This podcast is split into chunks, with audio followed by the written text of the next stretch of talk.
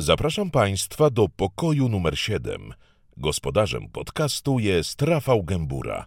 W imieniu autora zwracam się do Państwa z uprzejmą prośbą o zaobserwowanie podcastu oraz wystawienie oceny w formie gwiazdek. Dziękuję za uwagę.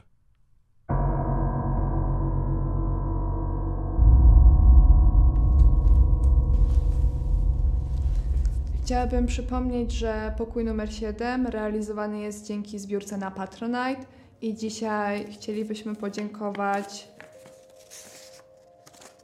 człowiekowi o pseudonimie Zago.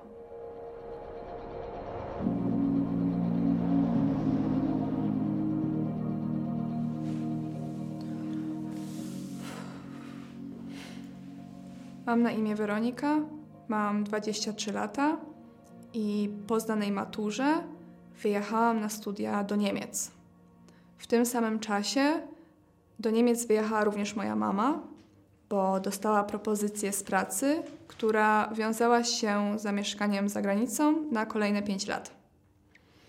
Więc można powiedzieć, że wyjechałyśmy w tym samym czasie, ale żyłyśmy w dwóch różnych miastach, mniej więcej 400 km od siebie. Ja mieszkałam w jednym z największych niemieckich miast na wschodzie, a moja mama mieszkała w zachodnich Niemczech.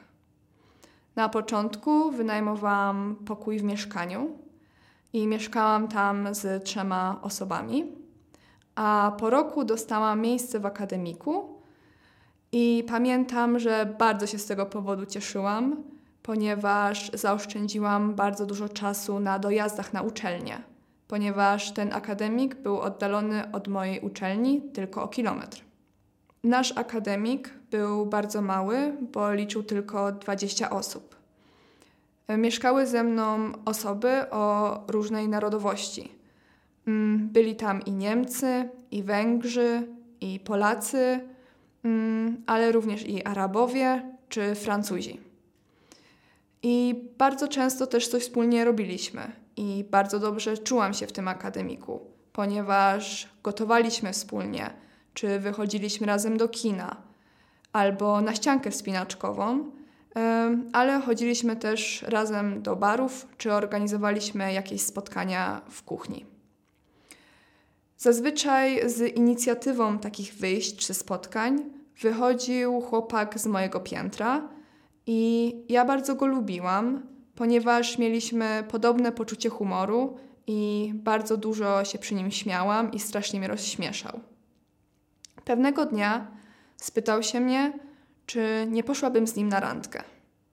Zgodziłam się, ponieważ nie było to jeszcze nic zobowiązującego, a poza tym bardzo podobał mi się jego charakter. I po tej pierwszej randce była też druga randka, i po tej drugiej randce wzięłam go na rozmowę. Powiedziałam mu, że bardzo go lubię, um, ale że dzieje się to dla mnie zbyt szybko, ponieważ mieszkamy razem w jednym akademiku i boję się, że jeśli między nami to nie wyjdzie, to nie chciałabym, żeby ta atmosfera się zaburzyła, albo żeby któreś z nas było zmuszone do tego, e, aby musiało się stamtąd wyprowadzić. Dlatego podjęliśmy wspólnie decyzję, że będziemy w ciągu dalszym się spotykać, ale zwolnimy trochę z tempa, będziemy się w ciągu dalszym lepiej poznawać, będziemy poznamy jakby swoje wady i zalety i zobaczymy, czy na dłuższą metę jest to w stanie w jakikolwiek sposób y, funkcjonować. I pamiętam, że po tej rozmowie bardzo mi zaimponował tym zrozumieniem, które mi okazał i wydawał mi się wtedy bardzo dojrzały.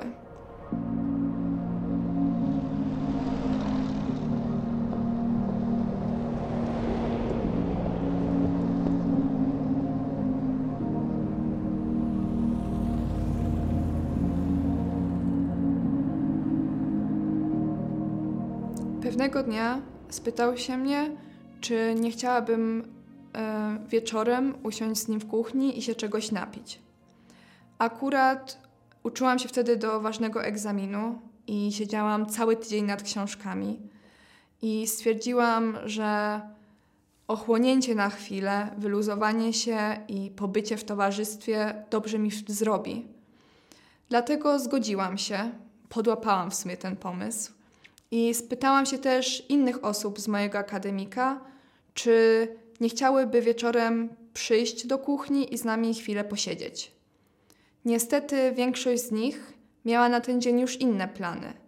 Dlatego na tą posiadówkę przyszły trzy osoby z naszego budynku. Ponieważ byłam wśród swoich, wśród ludzi, którym ufałam, ponieważ mieszkałam z nimi i myślałam, że bardzo dobrze ich znam, to idąc do toalety, zostawiłam po prostu swoją szklankę na stole. I jest to błąd, za który zapłaciłam bardzo dużą cenę. Ponieważ ostatnie, co pamiętam z tej imprezy, to to, że z czegoś się śmiałam, bo ktoś powiedział jakiś bardzo śmieszny dowcip.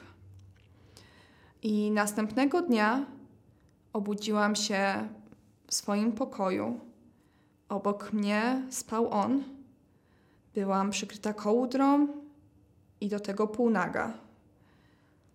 Jak zorientowałam się, do czego między nami doszło, to wstałam jak najciszej się dało, tak żeby go nie obudzić.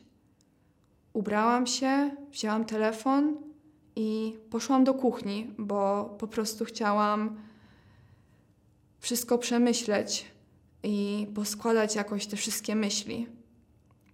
Na szczęście w kuchni nikogo nie zostałam, więc usiadłam przy stole i zaczęłam się zastanawiać, co się dokładnie wczoraj stało. Zazwyczaj jestem osobą, która pamięta wszystko z każdej imprezy i zostaje na każdej do końca. I do tego zazwyczaj do mnie piszą wszyscy ludzie. Ej, co dokładnie się wczoraj działo, możesz mi powiedzieć, bo musiałem wcześniej iść do domu. Więc było to dla mnie wszystko bardzo dziwne, że nagle czegoś nie pamiętam. Do tego ja po żadnej imprezie nie wylądowałam z żadnym mężczyzną w łóżku i to wszystko wydawało mi się bardzo dziwne i nie mogłam uwierzyć w to, co się stało. Do tego zauważyłam, że mam okropny brud pod paznokciami. Myślałam, że jest to błoto i zaczęłam się zastanawiać, co ja wczoraj robiłam. Czy ja może byłam jeszcze w jakimś parku, w jakimś lesie? Skąd wzięło się to błoto? A moją kolejną myślą było: O Boże, a jak ja jestem w ciąży? Więc sprawdziłam w telefonie, jak mogę dostać tabletkę dzień po. Okazało się, że w Niemczech jest ona dostępna bez recepty w każdej aptece. Było tam też również napisane, że jest to dość silny lek, dlatego przed jej wzięciem należy coś zjeść i jeśli zwymiotuje się tą tabletkę od 4 godzin od jej wzięcia, to powinno się iść wykupić kolejną, aby mieć pewność, że zadziała ona w 100%. Więc stwierdziłam, że zanim pójdę do tej apteki, to zjem śniadanie. I w międzyczasie, jak przygotowywałam sobie to śniadanie, do kuchni wszedł on. Cały uśmiechnięty, jak gdyby nigdy nic. Spytał się mnie, jak mi się spało. Powiedziałam mu, że nie wiem, e, po niczego nie pamiętam. I bardzo prosiłam go wtedy o to, żeby powiedział mi, co się dokładnie wczoraj stało, bo liczyłam na to, że dzięki temu dzięki może jednemu detalowi nagle sobie wszystko przypomnę. Ale on cały czas powtarzał, że ta noc była wspaniała. A ja cały czas powtarzałam i mówiłam mu, że ja tego nie pamiętam. Chciałam, żeby to zrozumiał. Żeby, nie wiem, okazał mi może jakieś współczucie albo powiedział przepraszam i cały czas mu mówiłam: Nie pamiętam tego, powiedz mi, co się dokładnie stało. A on mówił cały czas: Ta noc była wspaniała. Mówiłam mu: Nie rozumiesz, nie pamiętam tego. I w końcu on chyba nie wytrzymał, bo powiedział mi, że jeśli tego nie pamiętam, to możemy to powtórzyć i wtedy będę pamiętała.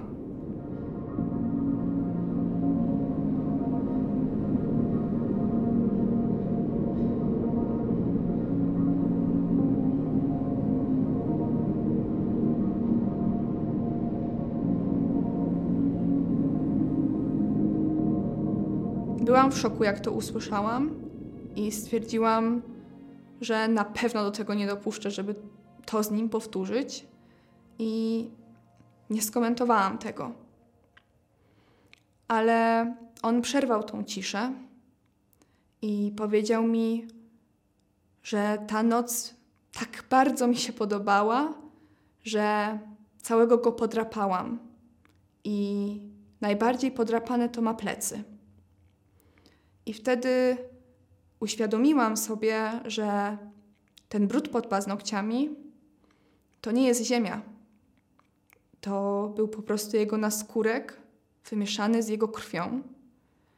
I wiedząc o tym, poczułam do siebie okropne obrzydzenie, ale w ciągu dalszym nie dopuszczałam do siebie tej myśli, że on mnie po prostu wykorzystał. Wróciłam do przygotowania sobie śniadania. Tego również, co on przed chwilą powiedział, nie skomentowałam. I on wtedy spytał się mnie, jakie mam plany na dzisiaj. Powiedziałam mu, że chcę iść wykupić tą tabletkę dzień po, a potem mam bardzo dużo nauki i na pewno nie znajdę dzisiaj dla niego czasu. Chciałam się jak najszybciej pozbyć go z tej kuchni. Chciałam pobyć sama. Chciałam nie czuć się przez niego tak osaczona. Ale on wtedy powiedział, że pójdzie ze mną do tej apteki, wykupi ze mną tą tabletkę dzień po. Ja mu cały czas mówiłam, że nie ma takiej potrzeby, żeby zajął się sobą. Chciałam po prostu pozbyć się go z tej kuchni. Ale on uparcie stawał przy swoim zdaniu.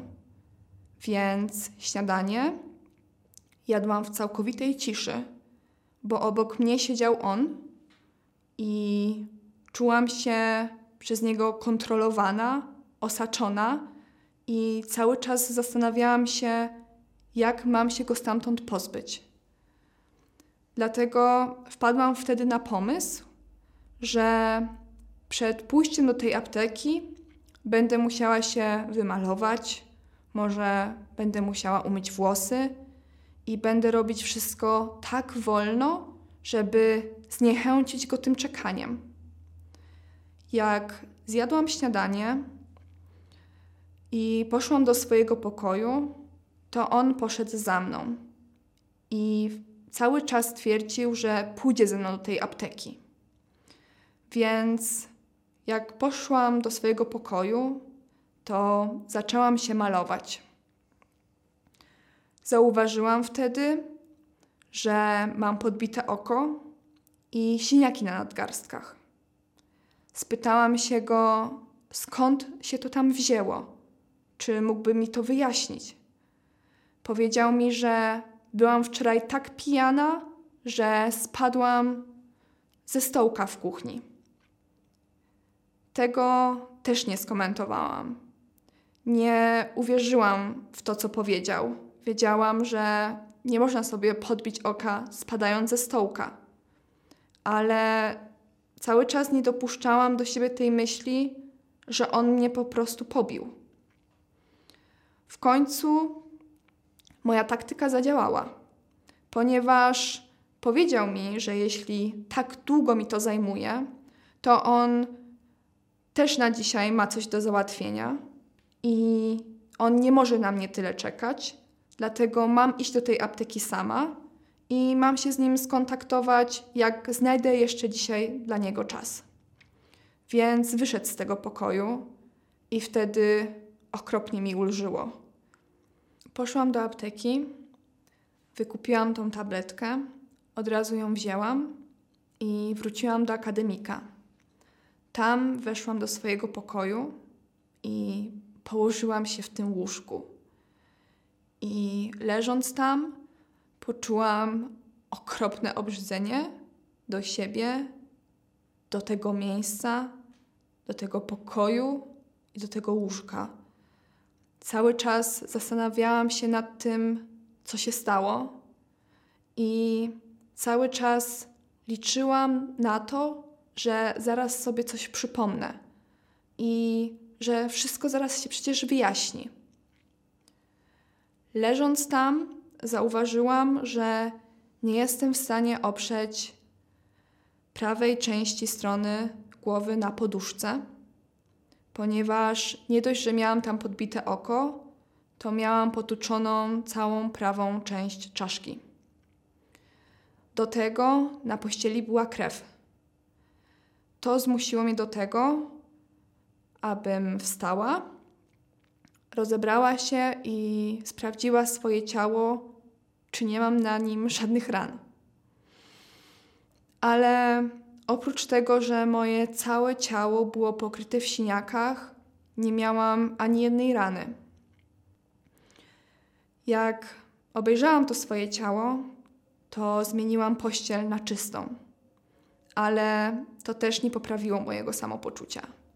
Cały czas czułam się okropnie z sobą i cały czas szukałam tego rozwiązania tej całej sytuacji. Wmawiałam sobie, że dzisiaj czuję się tak okropnie i że to zaraz się wyjaśni, i jutro normalnie pójdę na uczelnię i wszystko wróci do normy i że to wszystko na pewno dzisiaj się jeszcze jakoś wyjaśni.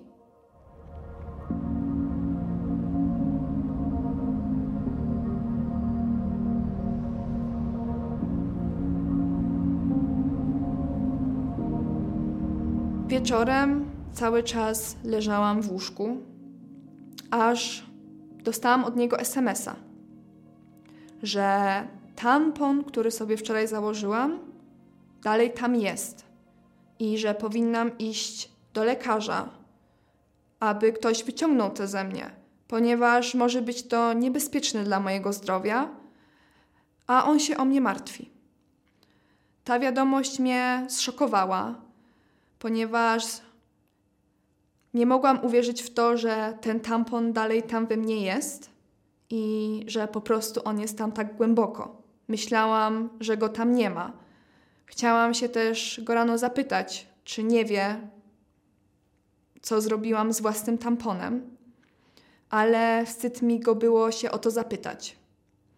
A ten tampon był tam tylko i wyłącznie dlatego, bo tu kobiety też mnie bardziej zrozumieją, że czasami są takie dni, że ten okres ma przyjść, ale nie chce przyjść i po prostu dla własnego komfortu założyłam wtedy ten tampon, bo po prostu nie chciałam przeciec na tej imprezie, jakbym nagle dostała okres. Ta wiadomość zmusiła mnie też również do tego, aby pójść się wykąpać. Nie chciałam tego robić, ponieważ wiązało się to z dotknięciem swojego ciała, a ja czułam wtedy do niego okropne obrzydzenie. Niestety nie udało mi się wyciągnąć z siebie tego tamponu i wiedziałam już, że będę musiała iść do jakiegoś lekarza. Było już późno, a wiedziałam, że jak pójdę na SOR, to poczekam tam z 6 godzin, bo nie jestem pilnym pacjentem. Więc stwierdziłam, że zrobię to z rana i teraz po prostu pójdę spać. Rano, jak tylko wstałam, Wymalowałam się tak, żeby nie było widać siniaków i poszłam do szpitala. Tam przy rejestracji nie powiedziałam dokładnie, co się stało. Powiedziałam tylko, że nie jestem w stanie wyciągnąć z siebie tamponu. Czekałam tam też 5 godzin i w trakcie tego czekania pisałam z moją przyjaciółką, która wspierała mnie w tym czekaniu i dzięki której też nie uciekłam z tego szpitala. Jak mnie przyjęto, to lekarka zaczęła zadawać mi pytania. Chciała się dowiedzieć, dlaczego ten tampon tam jest i jak długo on już tam jest. I nie byłam już w stanie po prostu dłużej kłamać, więc rozpłakałam się i powiedziałam jej prawdę. Ta zrobiła mi badania, wyciągnęła to ze mnie i spytała się mnie, czy ma wezwać policję. Powiedziałam jej, jaką policję. Powiedziała mi, że chce iść do domu. Powiedziała mi, że jest to gwałt, że niczego nie pamiętam. Do tego ten tampon, a do tego mam na całym ciele siniaki. I jest to gwałt. Powiedziałam jej, jaki gwałt, że chcę iść do domu, że mam je zostawić w spokoju, że nie chcę tego nigdzie zgłaszać. Nie dopuszczałam do siebie w ogóle tej myśli. Wtedy zaczęła zadawać mi inne pytania. Pytała się mnie, czy wzięłam tabletkę dzień po.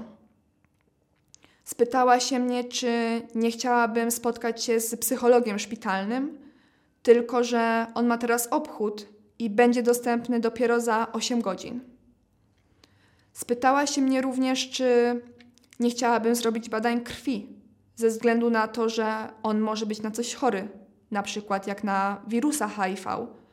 I mam jeszcze tylko 24 godziny do tego, aby przyjąć tą szczepionkę.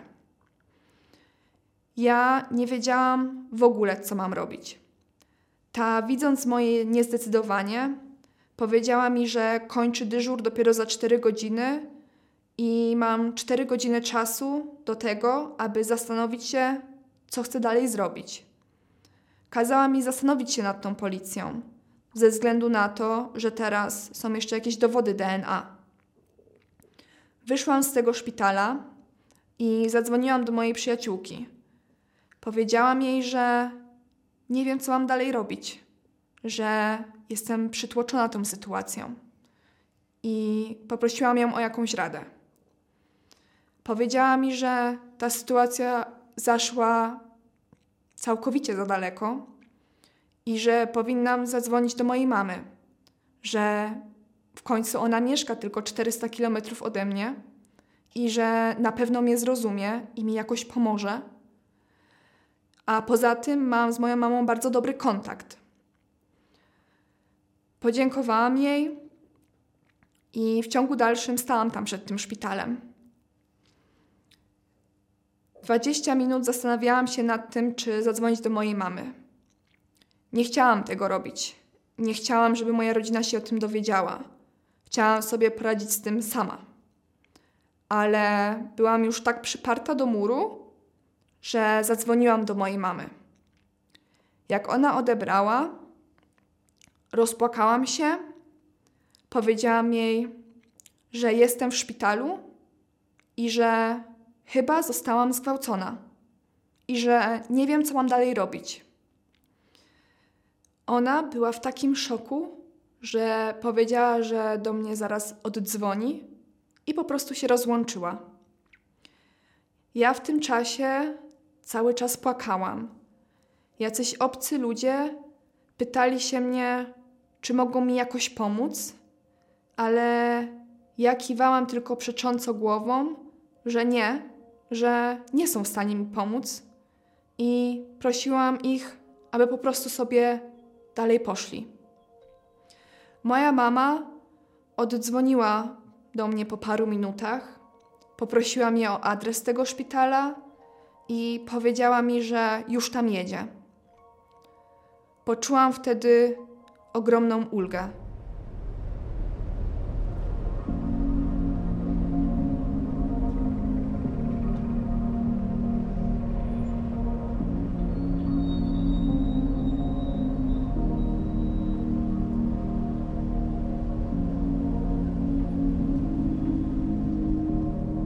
Przez tą całą sytuację przerwałam studia i pojechałam do mojej mamy. Pierwszy tydzień wyglądał tak, że spałam po 12 godzin. Jak wstawałam, moja mama była już w pracy, więc z łóżka przenosiłam się na kanapę. Tam włączałam telewizor i po prostu się na niego patrzyłam. Jak przypomniałam sobie jego słowa, to czułam, jakby ktoś na moją klatkę piersiową kładł 5 kilo i że nie jestem w stanie złapać oddechu. Moim marzeniem było usnąć na 2-3 lata i obudzić się, jak to wszystko się wyjaśni. Nie byłam w stanie spojrzeć na siebie w lustrze, bo czułam do siebie okropne obrzydzenie. I miałam też straszne myśli, bo myślałam sobie, że może jakbym miała zdeformowaną twarz albo po prostu byłabym w jakiś sposób niepełnosprawna, to nie uznałby mnie on za osobę atrakcyjną i może by mi tego teraz po prostu nie zrobił. Poza tym cały czas czułam ogromny wewnętrzny ból i miałam wrażenie, że on po prostu chce rozdzielić moje ciało na kawałki. Do tego nie byłam w stanie w ogóle normalnie funkcjonować. Potrafiłam robić sobie kanapkę przez 45 minut bo wchodziłam do kuchni, patrzyłam się na szafki przez 5 minut i potem po jakichś kolejnych 10 minutach potrafiłam zebrać się w końcu do tego, aby otworzyć tą lodówkę. Więc w ogóle nie byłam w stanie normalnie funkcjonować. Moja mama, widząc ten stan, zaczęła się mnie pytać, czy nie chciałabym pójść do jakiegoś psychologa i czy nie chciałabym może z tym, o tym wszystkim z kimś porozmawiać? Powiedziałam jej, że nie, że mam jej zostawić w spokoju. Nie chciałam o tym rozmawiać z nikim. Ale moja mama nie dawała za wygraną. Wierciła mi dziurę w brzuchu i mówiła mi, że jeśli choć trochę ją kocham, to powinnam to zrobić dla niej Mówiła mi, że jak mi się nie spodoba, to nie muszę iść na kolejną wizytę. Więc w końcu się zgodziłam, bo po prostu chciałam mieć święty spokój. Jak doszło do tej wizyty z psychologiem, założyłam sobie, że nie powiem ani jednego słowa. I zakończę to wszystko na tej jednej wizycie i wrócę po prostu do leżenia na kanapie. Ale moja pani psycholog była nieugięta i za wszelką cenę starała się nawiązać ze mną jakikolwiek kontakt. I powiedziała wtedy ona zdanie, które wyprowadziło mnie z równowagi, bo w końcu się odezwałam. Spytała się mnie, po co tu jestem skoro nie chce nic powiedzieć. Powiedziałam jej, że robię to dla mojej mamy, bo bardzo jej na tym wszystkim zależy. I wtedy powiedziała coś, co zmieniło wszystko. Bo powiedziała mi, że nie da się zmusić osoby do zrobienia czegoś, czego ona nie chce. I że jeśli tu jestem, to nie robię tego tylko i wyłącznie dla mojej mamy, ale w jakimś minimalnym stopniu robię to też dla siebie. Wtedy rozpłakałam się. Powiedziałam jej, że chcę przestać czuć ten okropny ból. Chcę, żeby ktoś zabrał ode mnie ten ból, bo nie jestem w stanie z nim żyć. Ona uspokoiła mnie tam jakoś i namówiła mnie na kolejną wizytę. Od tej pory chodziłam do niej trzy, cztery razy w tygodniu.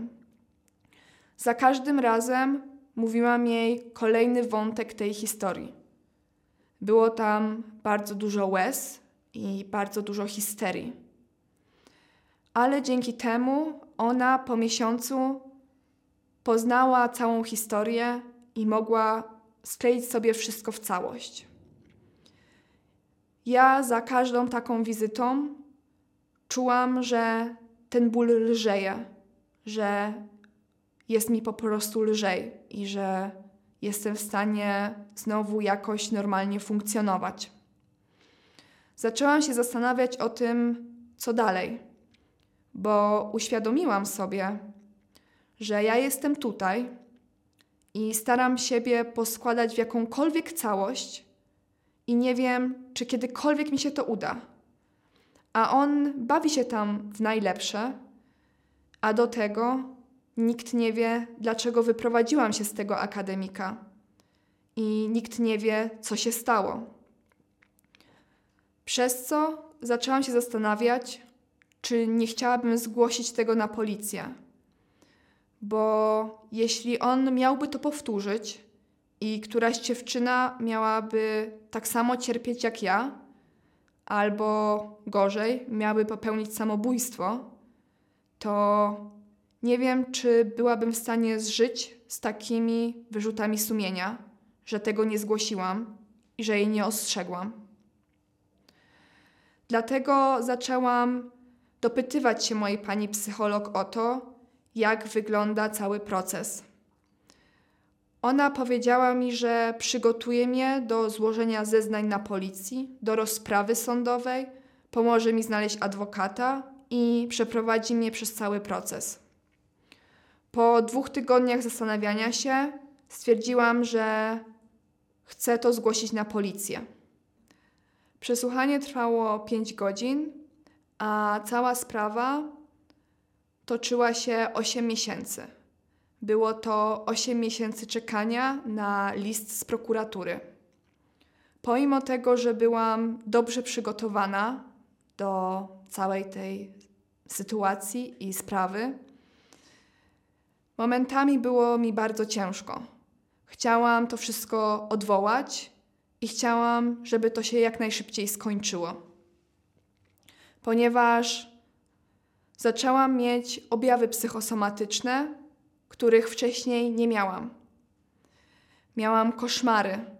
Śniło mi się, że on mnie goni albo że zmusza mnie do małżeństwa. Do tego nie byłam w stanie czasami niczego zjeść, bo wszystko, co jadłam, musiałam zwymiotować. Nie byłam w stanie czasami niczego do siebie przyjąć.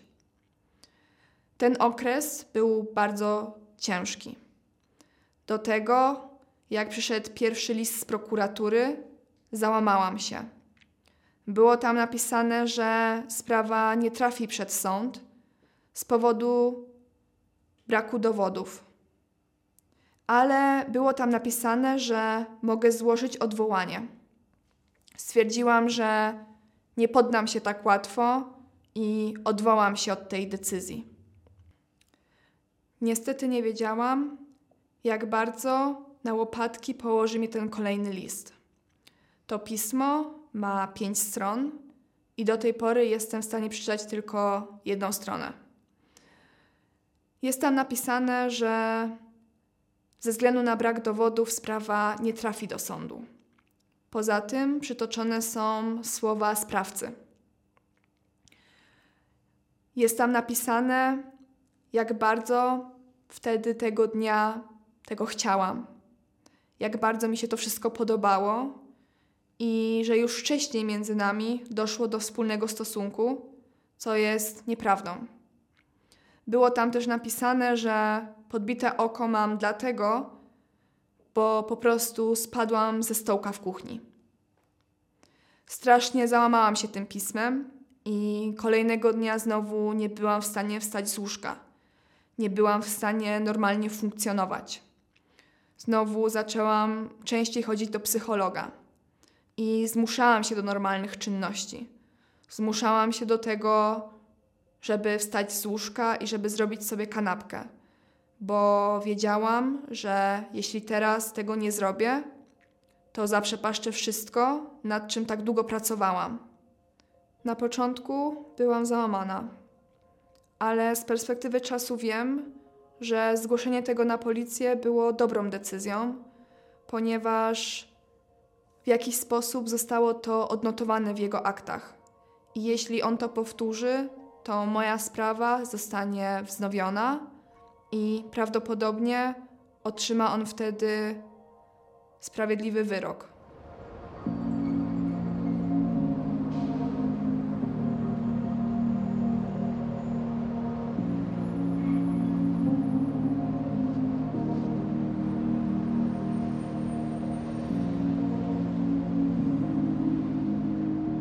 Od gwałtu minęły 4 lata.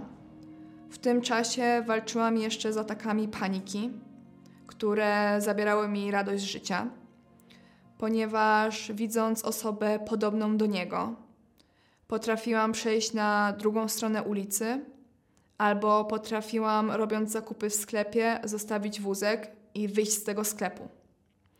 Do tego, widząc jakiś budynek albo most, który przypomniał mi w jakiś sposób tamto miasto, miałam takie uczucie, jakbym nie mogła zapać powietrza i miałam wrażenie, że się duszę. Do tego nie potrafiłam ubrać niektórych rzeczy, bo wiedziałam, że on mnie w nich kiedyś widział. I niektóre z nich byłam w stanie ubrać dopiero po dwóch, trzech latach. Teraz funkcjonuję całkowicie normalnie. Znowu cieszę się z życia, studiuję, znowu zamieszkałam również w akademiku i nie mam żadnych ataków paniki, ale zdarzają się takie sytuacje, które uświadamiają mi, że to dalej w jakiś sposób mnie prześladuje. Na przykład dwa lata temu, będąc u mojej najlepszej przyjaciółki na domówce, tak zaciekle pilnowałam swojej szklanki, że wzięła mnie ona wtedy na rozmowę i spytała się, czy jestem normalna, ponieważ jestem wśród moich najbliższych przyjaciół. I niestety była taka sytuacja, gdzie potrafiłam swoich najbliższych posądzić o najgorsze. I uświadamiając sobie to wszystko, wróciłam wtedy do pokoju po tej domówce i płakałam przez trzy godziny na dywanie, bo uświadomiłam sobie, że on nadal ma nade mną kontrolę.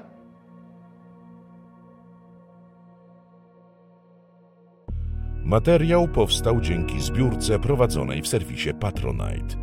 Link do zbiórki znajdą Państwo w opisie podcastu. W imieniu autora dziękuję Państwu za uwagę.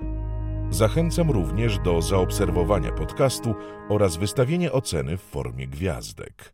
Do usłyszenia kolejnym razem.